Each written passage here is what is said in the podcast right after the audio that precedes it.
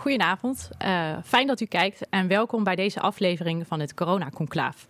Een serie gesprekken vanuit de nieuwe pleinzaal in de Bali, waarin we elke aflevering met één expert praten over een onderbelicht aspect van de coronacrisis.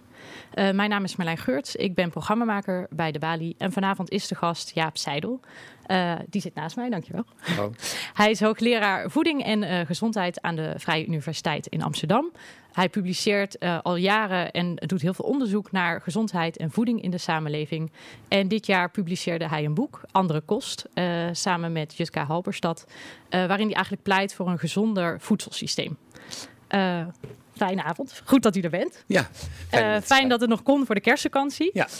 Um, we gaan het hebben over uh, gezondheid. Uh, en dat is een heel actueel thema in de coronacrisis geworden. Um, we gaan het over de actualiteit hebben. Maar ik wil eerst eigenlijk even helemaal terug naar het begin uh, van de coronacrisis. ik zocht vanmiddag weer even op hoe ging dat begin ook alweer. En eigenlijk in maart 2020, dus echt al in de eerste weken van de crisis, werd voor het eerst bij Jinek in de uitzending eigenlijk een hele duidelijke link gelegd tussen gezondheid en corona. Want er werd gezegd coronapatiënten, of bijna alle coronapatiënten op de IC die COVID hebben, die hebben overgewicht. Ja. Nou, u bent natuurlijk hoogleraar die al jaren met dit thema bezig is. Uh, toen dat, ja, als u even denkt van hoe het toen in die situatie was, zat u toen op de bank en dacht u, zie je wel, dat roep ik al jaren? Ja, sterker nog, we hadden, Jutka en ik uh, hadden een stuk geschreven in het Parool, een ja. uh, opiniestuk over die coronacrisis die eraan zou komen. Er waren nog niet zoveel besmettingen, en zeker ja. niet in Amsterdam, en nog geen grote aantallen mensen in het ziekenhuis. Maar wij wisten eigenlijk al uit, uit onze ervaring en kennis dat uh, juist mensen met een slecht werkend immuunsysteem, mensen met ongezonde leefstijl, mensen met overgewicht en diabetes en allerlei andere zaken, dat die bij dit soort infecties eigenlijk het altijd heel zwaar hebben. Ja, dus en, dus eigenlijk maakt het voor de. Kijk, je, we wisten eigenlijk nog heel weinig van die ziekte. Ja. Maar eigenlijk kon je zeggen, nou, we weten eigenlijk al, dit, dit gaat eraan ja, komen. Ja. ja. dat is bij ernstige griepepidemieën ook zo. Het zijn altijd kwetsbare groepen. Het zijn natuurlijk de hele oude mensen die dan uh, het, het heel moeilijk hebben. Maar ook mensen met longproblemen en diabetes en overgewicht. Die hebben ook altijd een uh, probleem. En toen was er natuurlijk nog helemaal geen sprake van een vaccin of een andere aanpak.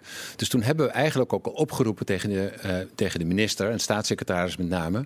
die gaat over gezond, gezond gedrag. investeer nu in gezond gedrag, zodat mensen een beter werkend immuunsysteem hebben, zodat, ze er, zodat we er minder last van hebben van die epidemie. Ja. Maar dat is niet heel goed aangekomen bij de overheid op een of andere manier. Ze vonden het veel te be belangrijk om eigenlijk ja, ja, ze, zich te concentreren op die adviezen als handen wassen, uh, thuis blijven bij uh, klachten en dat soort dingen. Het zijn belangrijke zaken. Uh, maar ja, we werden natuurlijk wel ook al snel bevestigd in dat idee dat met name ongezonde leefstijl, dat dat een, ja, extra risicofactor is. Je hebt eigenlijk twee epidemieën bij elkaar. Hè? Ik noem het mhm. eigenlijk altijd mee. Je hebt de, gewoon de, de pandemie van al die chronische welvaartsziekten, waar we echt wereldwijd uh, mee te maken hebben. Dus hart- en vaatziekten, kanker, leef, hè, leefstijlgerelateerde aandoeningen. En, die, dat noemen we eigenlijk bijna nooit een pandemie, toch? Dat woord nee, maar we ja, de, ja, de Wereldgezondheidsorganisatie gebruikte dat wel al. Okay. Uh, en die had het zelf al in 2019 over de syndemic, namelijk we hebben een aantal pandemieën tegelijkertijd.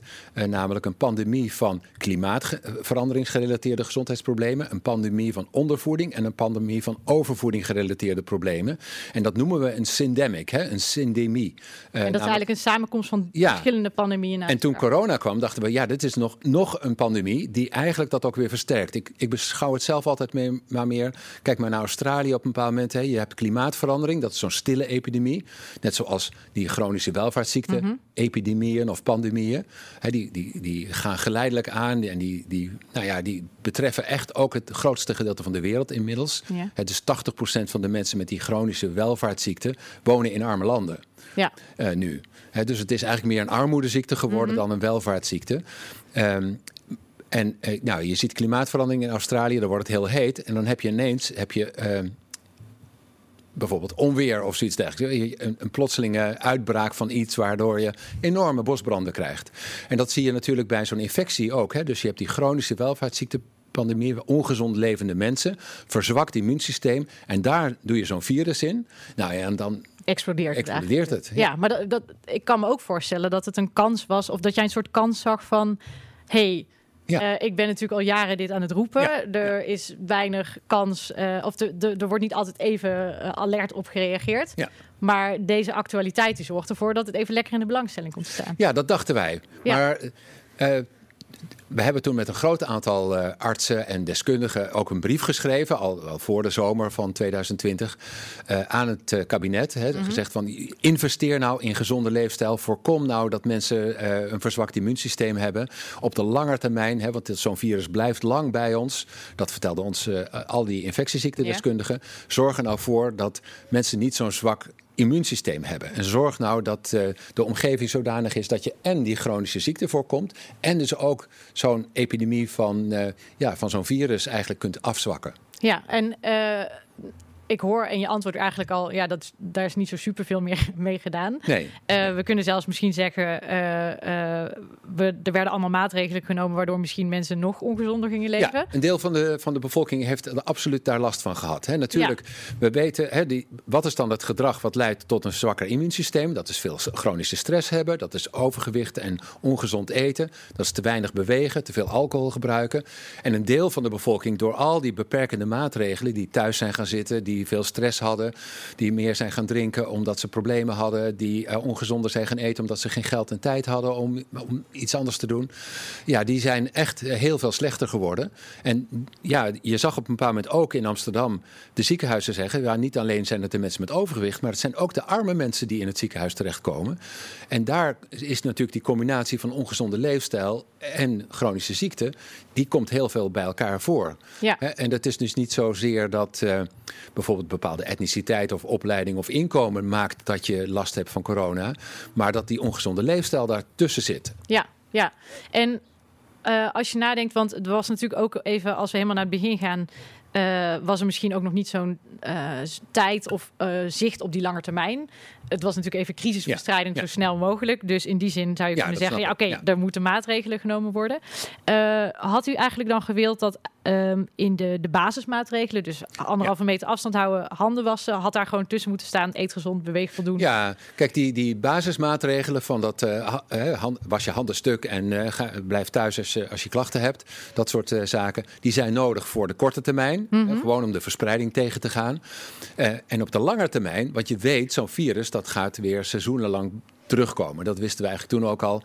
En nu dachten we dat we met die vaccins er misschien af waren, maar we zijn er niet van af. Hè. We, nee. we, blijven ermee zitten.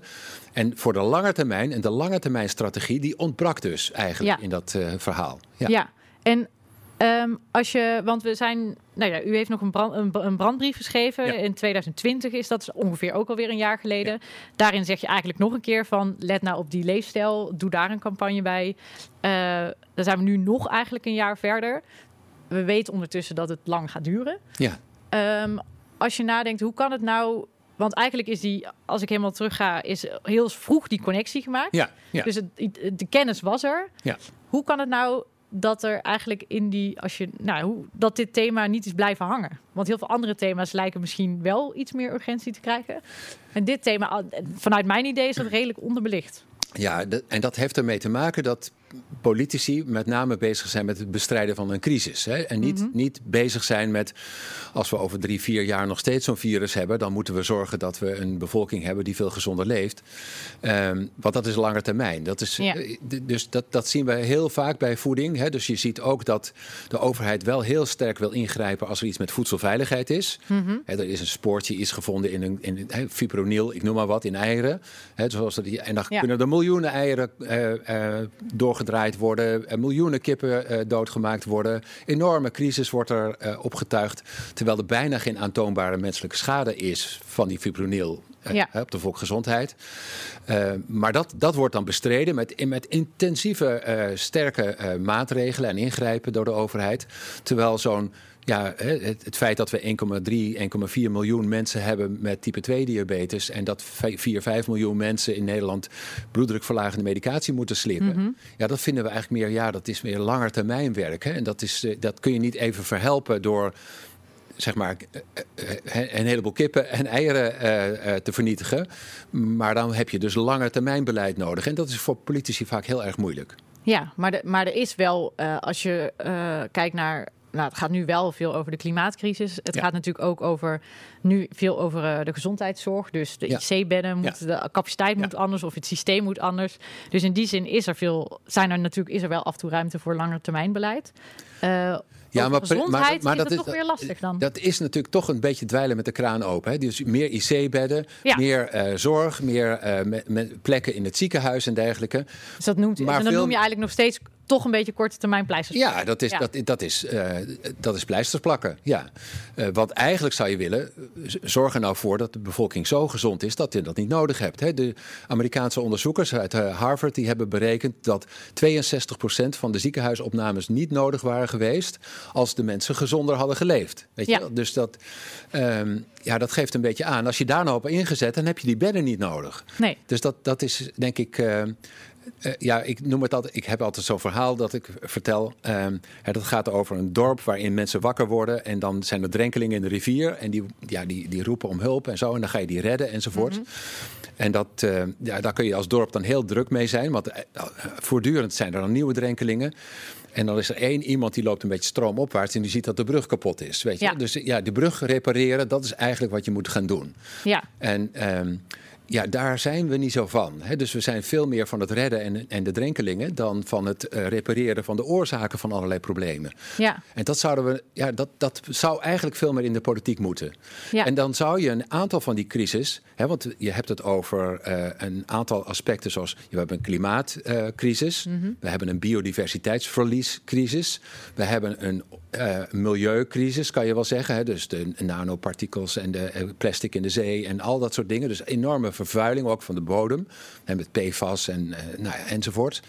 En we hebben een volksgezondheidspandemie Ja. hè, die ik net noemde. En eigenlijk kun je die allemaal met dezelfde soort van beleid kun je die oplossen. Het heeft namelijk allemaal, allemaal te maken met voedselproductie. En waarom hebben we...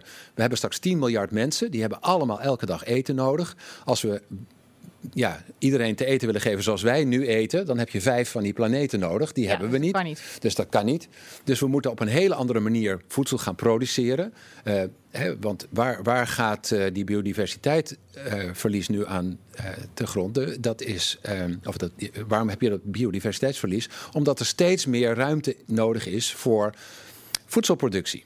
Dus er worden oerwouden gekapt, er Ja. moet vee moet overal eh, eh, zijn, er moet eh, veevoer worden, moeten worden geproduceerd.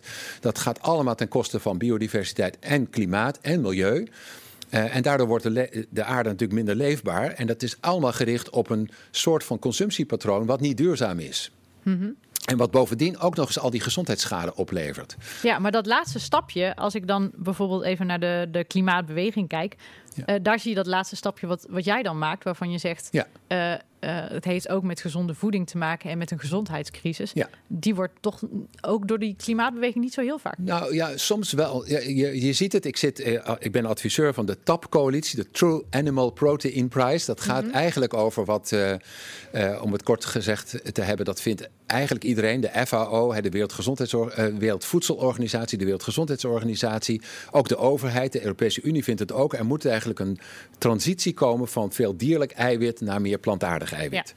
Eh, want dat is goed voor milieu. Dan heb je ook mi- minder last van problemen met dierenwelzijn en biodiversiteitsverlies. En, en het is ook gezonder. En het is ook gezonder. Eh, Dus daar, daar vind je elkaar. Ja. Dus ehm, wat we nu zien is dat eh, de ongezonde, niet duurzame keuze, dat is de makkelijke keuze. Zeker voor mensen met een laag inkomen en weinig kennis en vaardigheden. En als je dan gezonder en duurzamer wil eten, dan wordt het heel erg duur en elitair. Ja. Nou, dat is heel raar. Hè, want we willen eigenlijk die omslag maken. Dus dan En eigenlijk hou voor de mensen met een laag inkomen is het misschien zelfs eh, gezien eh, hun leefpatroon, die vaak aan de omstandigheden ligt, Ja. juist nog belangrijker dat die. Nog belangrijk- ja, precies, ja. Dus je zou het willen omdraaien, zeg je. Ja, dus, Ja. hè, maar we betalen wel allemaal de schade van die niet duurzame en ongezonde voedselproductie. En, en dat is iets wat. eh, eh, een, een, een Engelse econoom heeft ooit eens uitgerekend. Als je de, kijkt naar wat een hamburger kost. Gewoon, ik liep net door Amsterdam. Mhm. Nou, voor 1,50 euro kun je een hamburger, broodje met kaas en, en, en vlees kun je kopen. Als je kijkt wat daarvoor nodig is om dat te produceren. Het vlees, het veevoer, het water, de bodem, de, al dat soort dingen. En de gezondheidsschade, milieuschade enzovoorts. Dan kun je dat optellen en dan kom je tot ver boven de 100 euro uit. Ja. Uh, dus op een of andere manier dat verschil. Dus een hamburger zou 100 euro moeten kosten? E eigenlijk wel, als je dat allemaal zou doorrekenen. Ja. En, en, uh, uh, maar dat is niet zo, want die is hartstikke goedkoop. Maar als je een, een salade wil eten met, uh, met avocado of wat dan ook, dan ben je hartstikke veel meer geld kwijt. Ja. Uh, terwijl dat veel duurzamer is en ook gezonder. Uh, dus ja, wij pleiten er eigenlijk ook voor. Ehm, in, in plaats van, het, hè, we hebben nu een coalitieakkoord. Uh, waarin allerlei leuke dingen staan, maar het is een beetje grabbelton. Hè? Dus er staat wel iets over milieu en iets over, over stikstof en iets over landbouw en iets over klimaat. En er staat ook iets over gezondheid en preventie. Maar die combinatie van die drie dingen, namelijk dat we een voedselsysteem moeten hebben wat gericht is op de toekomst, zodat we duurzaam en gezond voedsel kunnen produceren voor iedereen, mm -hmm. die connectie die wordt niet gemaakt. Nee. Nee, en even voor de mensen die misschien nog niet het hele coalitieakkoord Nee, nee. doorgespitst Ja. hebben. Ja. Eh, daar staat wel in, eh, en dat is misschien eh, voor Nederland best een ding, dat er een, een, een, een tax komt op bijvoorbeeld drankjes met veel suiker. Ja. Daar staat ook een ambitie, daar staat nog niet een heel duidelijk concreet idee, maar de ambitie om de BTW op groente en fruit te, naar 0% te brengen. Ja. En nog een aantal andere zaken die gaan over gezondheid. Dus aan de ene kant zou ik ook wel zeggen, is ook wel een soort doorbraak. Ja, ja, ja zeker. Nee, hoor. Ik ben heel tevreden met eh, de hele grote delen van dat coalitieakkoord. Dat staan allemaal dingen in waar we al heel lang voor pleiten. Mhm.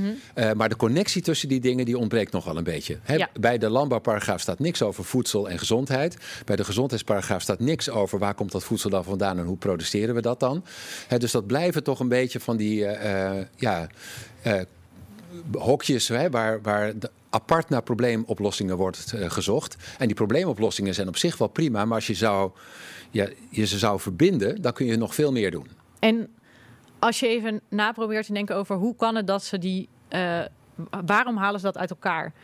Is dat omdat dat makkelijker uit te leggen is? Is, het, is dat omdat het gewoon een heel complex systeem is waarbij ze zeggen: ja, dat is de grote omslag, dat snappen mensen niet? Of zou- Ja, dat we, ik kan natuurlijk niet in de hoofden van die politici kijken of de mensen die dat schrijven. Maar ja, mensen zijn vaak gespecialiseerd in één ding. Hè? Ja. Ze zijn ge- gespecialiseerd in, in stikstofproblemen oplossen en in eh, natuurbeheer. Of ze zijn geïnter- ja, in, in, eh, in export en import van voedsel gespecialiseerd. Anderen zijn meer, meer van de gezondheid en de, en de ziektes die komen door ongezonde leefstijl. En ja, er worden wei- weinig mensen opgeleid die eigenlijk naar al die aspecten tegelijkertijd kijken en meer op een systeemniveau kunnen kijken. ja. En, en zien hoe al de dingen met elkaar samenhangen. En dat is, dat is denk ik eh, eh, het grote achterliggende probleem. Plus het feit dat je ja, natuurlijk, ja, je wil een bewinds. Hè, dat zien we natuurlijk. Ik weet nog dat we het heel vaak hebben gehad over ehm, bijvoorbeeld gezonde schoolmaaltijd of schooltuinwerk, hè, waarin kinderen eh, leren tuinieren en waarbij ze ook in verband ja, worden gebracht met hun voedsel. Wa- Wat komt erbij kijken? Eh, wat heb je nodig om eh, voedsel te produceren? Je hebt een bodem nodig die gezond is en water en insecten. En je, hebt de, je moet het met elkaar doen buiten. En ja, je bent bezig een heel jaar om aardappelen en tomaten op te kweken en dan uiteindelijk te kunnen eten. Nou, die kinderen kunnen dat allemaal in één keer snappen. Dat het Ja. allemaal met elkaar te maken heeft. En vervolgens worden we dan volwassen en dan vergeten we dat allemaal. En dan zeggen we, het zijn allemaal kleine deelproblemen die we Ja. hebben. En eh, datzelfde geldt eigenlijk voor sociale gezondheidsverschillen. Want die gezondheidsverschillen die komen dus deels ook hierdoor. Hè, dus door, door verschillen in ongezonde leefstijl. Maar omdat dus dat ongezonde, niet duurzame voedsel zo goedkoop is gemaakt, eh, kopen mensen met een laag inkomen dat. Daardoor worden ze zieker. Daardoor hebben ze meer problemen dan mensen met een hoog inkomen. Weet je? Dus oh, het, al die dingen hangen met elkaar samen.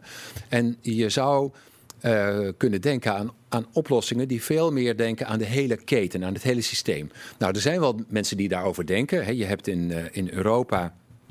Volgens mij heeft Diederik Samson dat deels opgeschreven, maar eh, eh, eh, Frans Timmermans is daar de, de, de, de, ja, de eigenaar van. Dat is de Farm to Fork Strategy. Van boer, van de grond tot de mond, zou, zou ik maar zeggen. En dat is een, een groot Europees plan dat net is gepresenteerd. Ja, Ja. ja. en dat, gaat dat gaat eigenlijk ook over voedsel, gezond, duurzaam voedsel produceren, import, export, handel. Hoe stimuleren we boeren om die zwaai te maken naar meer duurzaam en gezond voedsel te produceren? Want het is heel lucratief natuurlijk om ja, suikerbieten te telen. Want de, ja, de suikerindustrie die neemt dat alweer af. Er zijn allerlei subsidies voor, waardoor je uh, eigenlijk blijft uh, investeren in intensieve veeteelt en dat soort zaken. Nou, en intensieve veeteelt levert niet alleen stikstofproblemen, dierenwelzijnsproblemen en milieuschade op, maar ook nog eens meer risico op zoonoses. dus dan heb je weer dat overspringen van die infectieziekten. Denk aan de Q-koorts en aan allerlei andere problemen die we daarmee hebben. Dus ook, ook daarvan kun je eigenlijk zeggen: uh, bekijk het geheel nou en mm-hmm. maak nou stappen die. in Amerika hebben ze het heel vaak dan over de triple duty action. Weet je wel, je doet iets wat en goed is voor het klimaat, en goed voor de biodiversiteit, en iets voor de humane gezondheid. Ja. en ik zit ook in een, uh, in een commissie, dat is dan de Wetenschappelijke Raad voor Integrale Duurzame Landbouw en Voedsel. Heel, heel lang woord.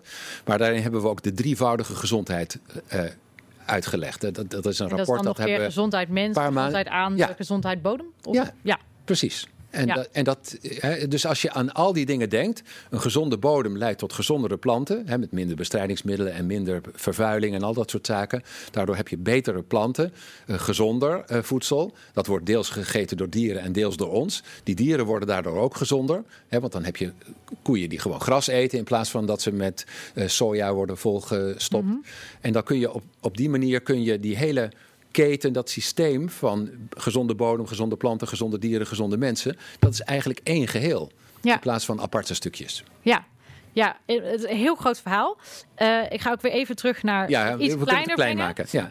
Um, het vraagt eigenlijk uh, uh, een heel groot, het is een heel groot vraagstuk voor de overheid, maar het vraagt eigenlijk ook dat de overheid best wel in gaat grijpen in onze beslissingen. Want je zegt eigenlijk ook, ja. de consument die kan dat eigenlijk bijna niet. Het is te veel om te vragen allemaal van de consumenten vragen. Ja, die kan zijn voedselproductie niet veranderen. Nee, dus dat nee. Is, uh, ja. uh, en we zien natuurlijk wel dat als we terug weer even naar de coronacrisis kijken, zien we dat de overheid natuurlijk fors heeft ingegrepen in allerlei dingen. Dus hoe laat ja. we, we, naar een café mogen of überhaupt naar een café mogen. maar op dit stukje lijken ze toch ook wel nou, lijkt ze niet, vinden ze het ook wel spannend om daarin in te grijpen op een bepaalde manier. Ja. Is dat omdat het een gevoelig onderwerp is? Nou, dat is omdat het geframed wordt als betutteling. Mm -hmm. dus de overheid grijpt in in, in uh, tabaksindustrie, weet je wel, ja. en, en, beschikbaarheid van sigaretten, in alcohol en de prijs van alcohol en de accijnzen. Uh, misschien ook wel de prijs van vlees en, en de prijs van groenten en dat soort zaken. Dat vinden ze, dat kun je framen als betutteling. De overheid stuurt op het gedrag en de keuze van consumenten.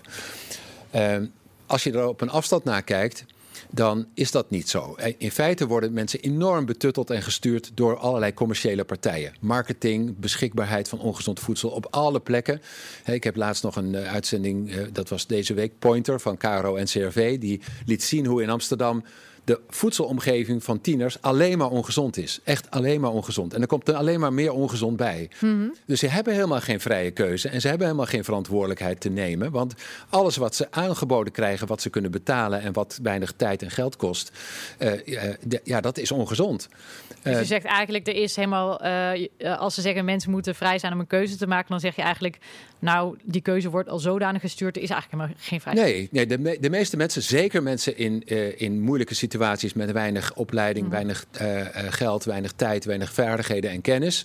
Die hebben bijna geen keuze. Die moeten voor dat goedkope, inferieure gemaksvoedsel gaan. Dat altijd in de aanbieding is in de supermarkt. En zeker in de, in de, in de wijken waar wij veel onderzoek doen, daar is het standaard voedselaanbod. 90% van de horeca is ongezond, 80% van de aanbiedingen is ongezond. Weet je, alles is, uh, stuurt op overconsumptie van ongezonde voedingsmiddelen. Um, wat in de grondwet staat, is dat de overheid er eigenlijk voor is om ons te beschermen tegen dat soort dingen. Ja. dus commerciële exploitatie die onze gezondheid ondermijnt. Denk aan de tabaksindustrie en de alcoholindustrie, maar dus ook de ongezonde voedselindustrie. Daar moet de overheid, dat is artikel 22 of artikel 23, mm -hmm. beide, eh, daar staat eigenlijk in: de overheid moet zorgen voor een gezonde omgeving. Ja. Zodat het makkelijk is voor mensen om gezond te leven. Dat betekent schone lucht, eh, dat betekent schoon drinkwater en veilig drinkwater. Dat betekent een gezonde schoolomgeving als je als kind opgroeit in een, in een school en een wijk.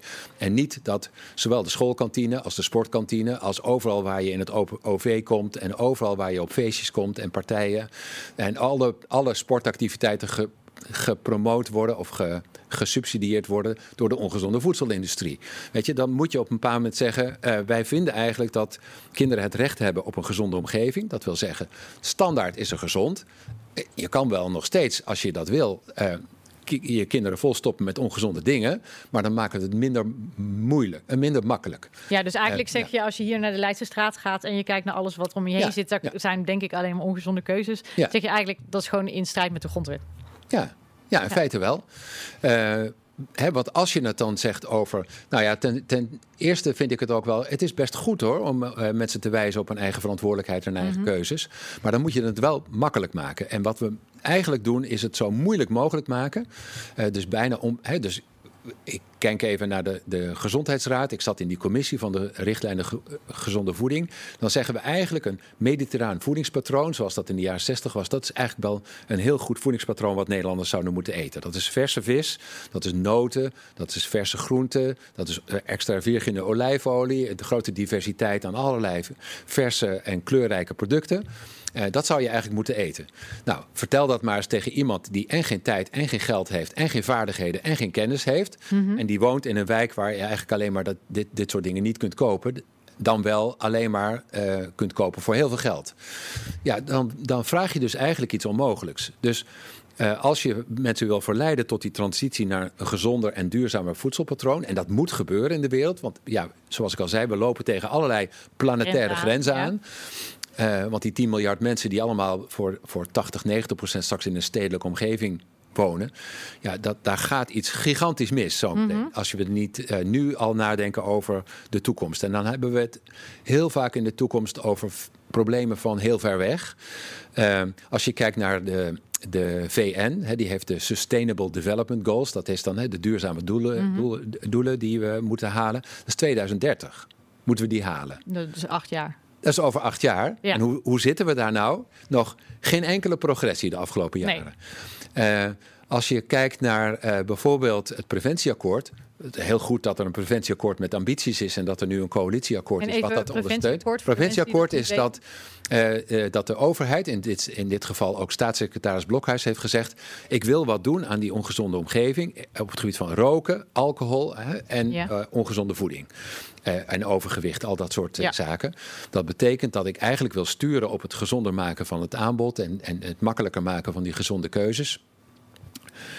En dan zie je dat dat preventieakkoord dat heeft een einddatum van 2040. En daarin worden kleine stapjes gezet. Dus dat dus gaat eigenlijk dus te, te, traag. Ja, de urgentie is, is duidelijk. Hè? Dus iedereen mhm. zegt, we, als we niet nu kijken, dan is dat, hè, die biodiversiteit die gaat als een... Oh. Uh, dus de, de, het, verlies aan het aantal verschillende diersoorten, plantensoorten enzovoort en insecten, dat gaat razendsnel naar beneden. Er is zo'n soort van uh, point of no return mhm. binnenkort. Uh, en datzelfde geldt eigenlijk voor die gezondheidscrisis. Hè? Dus tijdens de coronacrisis hebben we natuurlijk aan de ene kant gezien, zowel in de stad Amsterdam, dat de gezondheidsverschillen groter zijn geworden, maar die zijn mondiaal ook groter geworden.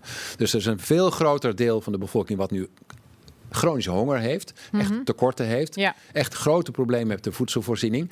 En een heel groot deel wat al die chronische welvaartsziekten heeft. Ja. En die, die tweedeling die wordt alleen maar steeds groter. Dus En als je in de biodiversiteit uh, wordt heel vaak naar dat point of no return gewezen. Want dan zeggen ze als het onder een bepaalde Gaat grens voor klimaat ook, hè? Ja, ja dan, dan zijn we verloren. Ja. Eh, het klinkt een beetje cru om dat nu op, over mensen te gaan zeggen en over gezondheid. Maar als je kijkt nu naar, uh, is er een bepaalde grens dat je, dat je zegt, ja, als er zoveel mensen overgewicht hebben, dan is die groep bijna niks meer aan te veranderen? Als in, nou ja, met name om 80% van de mensen met chronische welvaartsziekten, diabetes, hart- en vaatziekten, ja. beroertes en, en kanker, die wonen in lage en middeninkomenlanden. Als je uh, in, in ons land type 2 diabetes krijgt, meestal op 50 tot 70-jarige leeftijd of nog iets ouder, dan hebben we een prima gezondheidszorgsysteem. Je hebt insuline, je hebt pillen, je hebt begeleiding, je hebt nou, een gezondheidszorg als er complicaties zijn met je nieren of je voeten, dan heb je zorg. Uh, maar dat is daar niet. Dus we hebben miljarden mensen straks met die chronische welvaartsziekten zonder een gezondheidszorgsysteem wat betaalbaar is. Nou, dat, dan zien we, en de, de Wereldgezondheidsorganisatie heeft dat laten zien, wat gebeurt er in India als mensen meer diabetes krijgen en, en beroertes? Dan krijgen ze uh, nierziekte, ze krijgen nierfalen, ze krijgen voetamputaties. Ze kunnen niet meer werken. Weet je, dus uh, uh, bij beroertes, als je als eh, vader van een gezin een beroerte krijgt op 50-jarige leeftijd, dan ben je verlamd. Dan kun je niet meer produceren. Dus het grote probleem is dat natuurlijk, behalve dus het eh, enorme impact die het heeft op, op kwaliteit van leven en, en welzijn van mensen, heeft het ook op de economie een enorm verlammende werking. Hè? Die enorme epidemieën van chronische welvaartsziekten in arme landen, mhm. die komen door, hè, dat klinkt dan heel paradoxaal, hoe kan dat nou? Want ze hebben daar toch tekorten. Maar ja, als je kijkt naar bijvoorbeeld een stad als New Delhi, ik ben daar voor de coronacrisis nog eh, een, een keer geweest. En dan zie je al die sloppenwijken. Het is 40, 50 graden in die sloppenwijken. Mensen hebben geen koelkast, mensen hebben geen keuken, mensen hebben geen. Weet je, het enige voedsel wat er is, is gefrituurd voedsel en inferieur gemaksvoedsel. En het enige wat er is, er is namelijk geen schoon drinkwater, maar er, maar er is wel frisdrank. Ja, ja, ja. Uh, dus die mensen hebben voedingsstoffentekorten en ze hebben type 2 diabetes door al dat ongezonde voedsel wat zo heel goedkoop is. Uh, dus je ziet daar wat ze dan noemen de double of de, zeggen we, de triple burden of disease, hè, de, de drie dubbele ziektelast. Je hebt overvoeding en ondervoeding en infectieziekten. Ja. Uh, nou, dat is een cocktail die het voor de economie en het welzijn van en, en de toekomst van een land echt dodelijk is. Dus ja, die, ook die gezondheidscrisis is ook een urgente crisis. Ja, en een, eigenlijk een, misschien nog wel een veel grotere pandemie dan nou ja, waar we nu ze, de hele versterken elkaar. Dus die, ik, ik, ik, ik vind dat woord syndemie wel heel goed. Hè? Dus die, al die pandemieën die eigenlijk dezelfde soort van oorzaken hebben, de, deels ook dezelfde soort van oplossing hebben, die elkaar ook nog eens heel erg versterken. Mm -hmm. uh, dat, dat is denk ik wel iets, zo moeten we er eigenlijk naar kijken. Ja. Ja, en als we nu even naar Amsterdam, misschien om het weer af en toe even kleiner te even maken. Klein. Ja, want het, het, Amsterdam is de wereld in het klein. Hè? Ja. Grote sociale verschillen, veel etnische verschillen, veel cultuurverschillen, grote uh, problemen rondom duurzame voedselvoorziening enzovoorts. Dus dat is. Uh, en, ja, en dan zeg je, uh, de urgentie wordt niet helemaal gezien. We hebben het vaak over 2040, 2050, terwijl bij andere dingen we misschien zeggen in 2030 moeten we hier zijn. Dan kijk ik even naar alleen al gewoon om het Leidseplein heen. En dan zitten nog in uh, een heel goed deel van Amsterdam natuurlijk. Uh, en dan kijk ik misschien naar wat er in het uh, coalitieakkoord staat. Een beetje btw-verlaging op hier en daar. dat lijkt me veel te weinig. als je nou grote stappen wil zetten, hoe ver moet je dan ingrijpen? Want eigenlijk gaat het bijna gaat het echt heel ver wat je dan moet doen. Nou ja, kijk, als je nu niet ingrijpt, moet je later ingrijpen.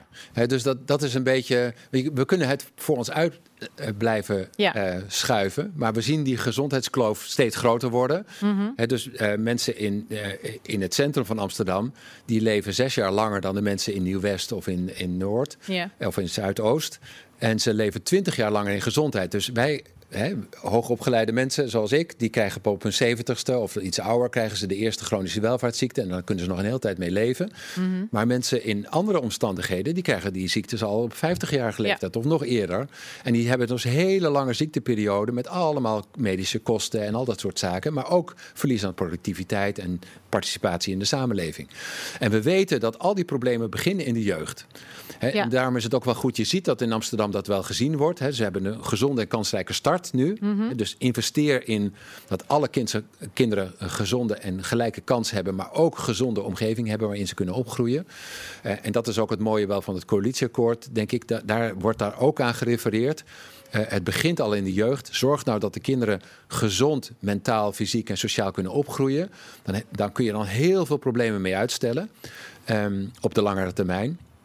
En bovendien, weet je, de kinderen die al op jonge leeftijd al die gezondheidsverschillen hebben. Want we zien dat in sommige wijken uh, 60% van de volwassenen overgewicht heeft of mm -hmm. obesitas.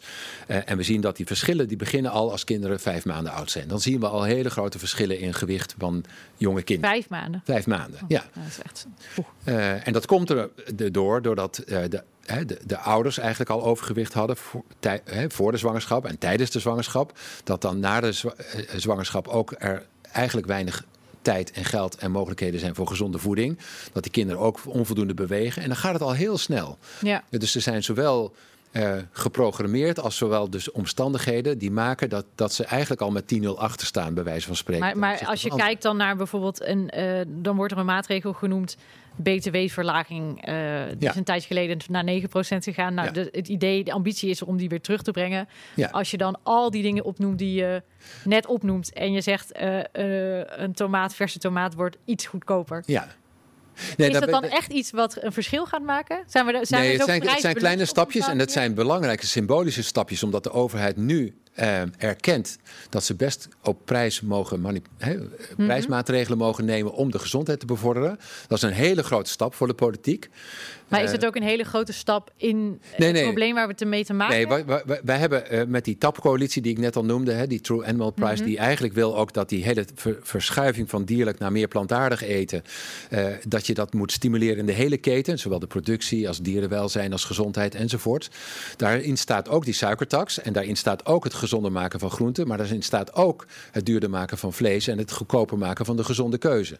En, en dan, zou je, dan moet je niet denken aan btw-tarieven, maar dan moet je denken aan, we gaan een echt een, uh, doorrekenen wat het echt, echt kost op het gebied van milieuschade en gezondheidsschade op producten. Dat door, berekenen we door in de prijs. Mhm. Eh, en daarmee kunnen we bijvoorbeeld een gezonde schoolmaaltijd op de, school, op de basisscholen stimuleren. Wij hebben onderzoek gedaan, en in Limburg hebben ze ook zo onderzoek gedaan, waarin blijkt dat zo'n maatregel als alle kinderen een gezonde schoolmaaltijd, van liefst lokaal geproduceerde groenten enzovoort, dat heeft economische eh, eh, eh, effecten, maar het heeft met name effecten ook op ehm, fysieke gezondheid van kinderen, mhm. de mentale gezondheid van kinderen, op de schoolprestaties, op de sfeer in de klas. Weet je, meer tijd om te bewegen, maar ook tijd om, meer tijd om gezond te eten.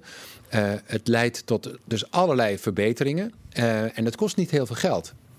En dat leidt tot verkleining van gezondheidsverschillen. En want als iedereen zeg maar, een gezonde maaltijd krijgt, zoals in Frankrijk bijvoorbeeld, dan krijgen alle kinderen een gesubsidieerde maaltijd en je hebt een inkomensafhankelijke bijdrage. En, dan zie je ook dat mensen in Frankrijk, kun je dat veel meer eten. met elkaar vergelijken, dat zij dus ook gezonder zijn. Ja, ja, zeker. En die kinderen die groeien dus gezonder op met mhm. andere ideeën over voedsel. Uh, en in Nederland hebben we een continu rooster waarin we van, van kwart over acht tot half drie zo ongeveer school hebben. En dat is allemaal onderwijstijd. En eigenlijk is er dan maar een half uurtje noodzakelijkerwijs een pauze. Waarin kinderen dan hun jasjes aan moeten, naar het schoolplein moeten gaan spelen. Weer terug naar het toilet en eten. In één half uur. Maar dat is gewoon een hele Nederlandse uh, efficiëntie. Ja, ja als, je, als, als ik Franse, ja, Franse collega's hier heb, of collega's uit Duitsland of Scandinavië of, of uh, zelfs uit Engeland, die zeggen: oh, kan, dat kan toch helemaal niet? Wie mm. heeft dit dan bedacht? Dat je geen tijd hebt om voldoende te bewegen en met elkaar aan tafel te zitten. Niet, niet alleen vanwege het gezonde eten, maar ook het sociale aspect en de tijd ervoor nemen. En dat zijn belangrijke dingen die wij op een of andere manier hebben weggeschoven als ja, je moet nou eenmaal eten, maar dan moet vooral geen tijd en geld kosten. Uh, en dat is iets wat, uh, ja, dat is eigenlijk zoals wij naar voedsel kijken. Voedsel is eigenlijk landbouw. Hè, is, is landbouw. Landbouw is vooral economie en export en import. Uh, het is niet zo heel lang geleden dat het ministerie voor Landbouw was opgeheven. De, de, laatste kabinet hadden we het weer terug, maar daarvoor was het dus een tijdje weg, want het hoorde gewoon onder economische zaken. Ja. Wij exporteren ongeveer 90% van al ons voedsel, zowel dierlijk voedsel als, als ook de groenten die we produceren. En we importeren gigantisch veel om al die Nederlanders te eten te geven elk jaar. Ja, dat is enorm veel bewegingen en dat is niet efficiënt. Maar dat, is, dat heeft ook heel erg onze manier van ja, ja, uh, voedsel bekijken. Tot aan, de, voedsel, tot aan de schoollunch eigenlijk bepaald, zeg je. Ja, ja, we kijken er dus naar als iets wat uh, vooral geen geld moet kosten. Hè. Dus uh, supermarkten concurreren ook niet op gezondheidsaspecten, maar die concurreren op de prijs. En gemak. En gemak, ja, dat is ook belangrijk. Maar vooral, het mag dus geen tijd en, en uh, geld kosten. Uh, dat vinden we eigenlijk allemaal. Dus we gaan allemaal voor de koopjes. We gaan allemaal naar de, de kiloknaller. Uh, niet allemaal, maar heel veel mensen gaan naar de kiloknaller. We weten dat daar geen duurzaam geproduceerd voedsel is. Maar als je naar de groene slagen wil, dan is dat duurder. Ja. dus, en dat, ik zou dus ervoor pleiten dat er een bonus komt op duurzaam en gezond voedsel. Uh, zodat dat juist goedkoper wordt gemaakt. Je kunt een heffing op de ene uh, doen en daarmee de andere subsidiëren. Ja. Daarmee wordt het voor de producenten aantrekkelijker om ook duurzaam en gezonder te produceren. Je maakt het voor de consumenten makkelijker om en gezonder en duurzamer te kiezen. Uh, en zo krijg je een cultuuromslag die eigenlijk gewoon nu juist averechts werkt. Ja, maar dat is bijna een uh, tot in de genen van de Hollandse, Hollandse, ja, nou ja, geschiedenis een soort ja, cultuuromslag. nou ja, kijk, die, en die cultuuromslag die is misschien een beetje gekomen door corona. Hè? Dus ik, ik weet, ik heb naar al die persconferenties gekeken van Hugo de Jonge en Mark Rutte. En dan werd er soms gevraagd van ja, maar nu gaat u weer zwaarwegende maatregelen die enorm veel geld gaan kosten en de, hè, de, de horeca eh, treffen, mhm. maar ook de economie en, en uh, allerlei bedrijven en uh, ook de scholen en het onderwijs. Ja, en dan, uh, ja, dan, dan, keek Rutte zo een beetje ernstig in de Kamer en dan zei hij: Ja, maar volksgezondheid is belangrijker dan economie. Nou, als die zin gewoon, als we die nou volhouden, dat de gezondheid van onze planeet, dieren, planten en onszelf, dat die belangrijker zijn dan economische waarden alleen Ja. maar, dan zijn we er. Ja, dus eigenlijk Dus- zeg je, we hebben het, we hebben het al hardop gezegd, Ja. maar dan misschien nog niet. Maar alleen maar voor corona. coro- Weet ja. je? De- Maar, maar als je dat, eh, dat is nu belangrijk. En het is ook zo. Ik denk dat het ook zo is dat je best economische schade kunt oplopen om heel veel ellende Mhm. te kunnen voorkomen. Maar dat geldt dus ook voor allerlei andere gezondheidsproblemen. Ja, ja. Nou, daar zijn we, kwam je heel mooi weer terug. Ik, ik ga bijna eh, afronden, maar ik zat nog even na te denken als je persoonlijk kijkt naar je eh, eigen carrière. Want het is een thema waar je al zo lang mee bezig bent. Eh, het is ook, lijkt me ook gek om naar een crisis te kijken waarvan je zegt het wordt steeds erger. En ik zie dat bijna met ledenogen Ja. aan. Ja. Eh, als je kijkt naar van, eh, gaat nog zeker een aantal jaar door. Waar, Ja. Wat zou je, nou misschien wat is de grootste positieve verandering die je gezien hebt? En waar hoop je dat, eh, als jij misschien zegt, ik, ik geef het stokje door aan iemand anders, waar we dan staan? Nou ja, je ziet dat op het hoogste niveau. En ik noemde net even eh, de EU. Hè, die, Dat die een strategie hebben waar ook de meeste parlementaire eh, parlementsleden in het Europees Parlement voor hebben gestemd. Voor veel meer duurzamer en gezonder voedselsysteem. Ja, dus Je op er- Europees niveau zie je die farm to Europees- fork wordt eigenlijk Ja, wel die combi ja. gemaakt. Ja. Je ziet dat op landelijk niveau, of stedelijk niveau, er ook steeds meer aandacht voor is. Hè. Dus in Amsterdam hebben we een aantal wethouders die op het gebied van duurzaam gezondheid, onderwijs en volksgezondheid al- allemaal eh, wel hetzelfde willen en hetzelfde Ja. ideaal hebben. Eh, we zien ook dat eh, Amsterdam bijvoorbeeld zo'n, dat heet dan een city deal, ge- ondertekend heeft, niet zo lang geleden. Waarin ze zeggen, wij willen Amsterdam een gezonde, duurzame voedselstad maken. Dus dat op lokaal niveau, Europees niveau, de VN heeft eh, zeg maar voedselsysteemverandering als een van de topprioriteiten voor de toekomst ge, eh, geagendeerd. In september was er de, food, de World Food Systems Summit. Eh, eh, moeilijk lang woord. Maar daarin werd dus voor het eerst ook gesproken over de urgentie en de noodzaak om het wereldwijde voedselsysteem om te vormen in een gezondheid en planetair gezond voedselsysteem. In Ja. plaats van alleen maar een economische eh, winstmachine. En ik denk dat dat. Dat is allemaal van de afgelopen jaren. Eh, d- hè, dus als je mij over mijn carrière, eh, nou, zeg maar 40 jaar dat ik hiermee bezig ben, dan is de afgelopen vier jaar is er meer gebeurd dan in de de- jaren daarvoor. Dus ja, dan ben ik wel wel heel van hoopvol. positief over. Ja, ja. ja. Ja. Ja, nou, ik, ik ga ik, heel erg bedankt. Eh, we zijn heel, eh, met een heel actualiteitsdingen begonnen en heel groot geëindigd. Eh, maar wel eh, heel mooi rond. Dus eh, heel erg bedankt voor dit gesprek. Graag gedaan. eh, ik wil nog even tegen de kijker zeggen dat we doorgaan met deze corona-conclaafgesprekken. Morgen of overmorgen is er weer één te zien. En we gaan ook in januari door. Dus houd de website in de gaten. En dankjewel voor het kijken.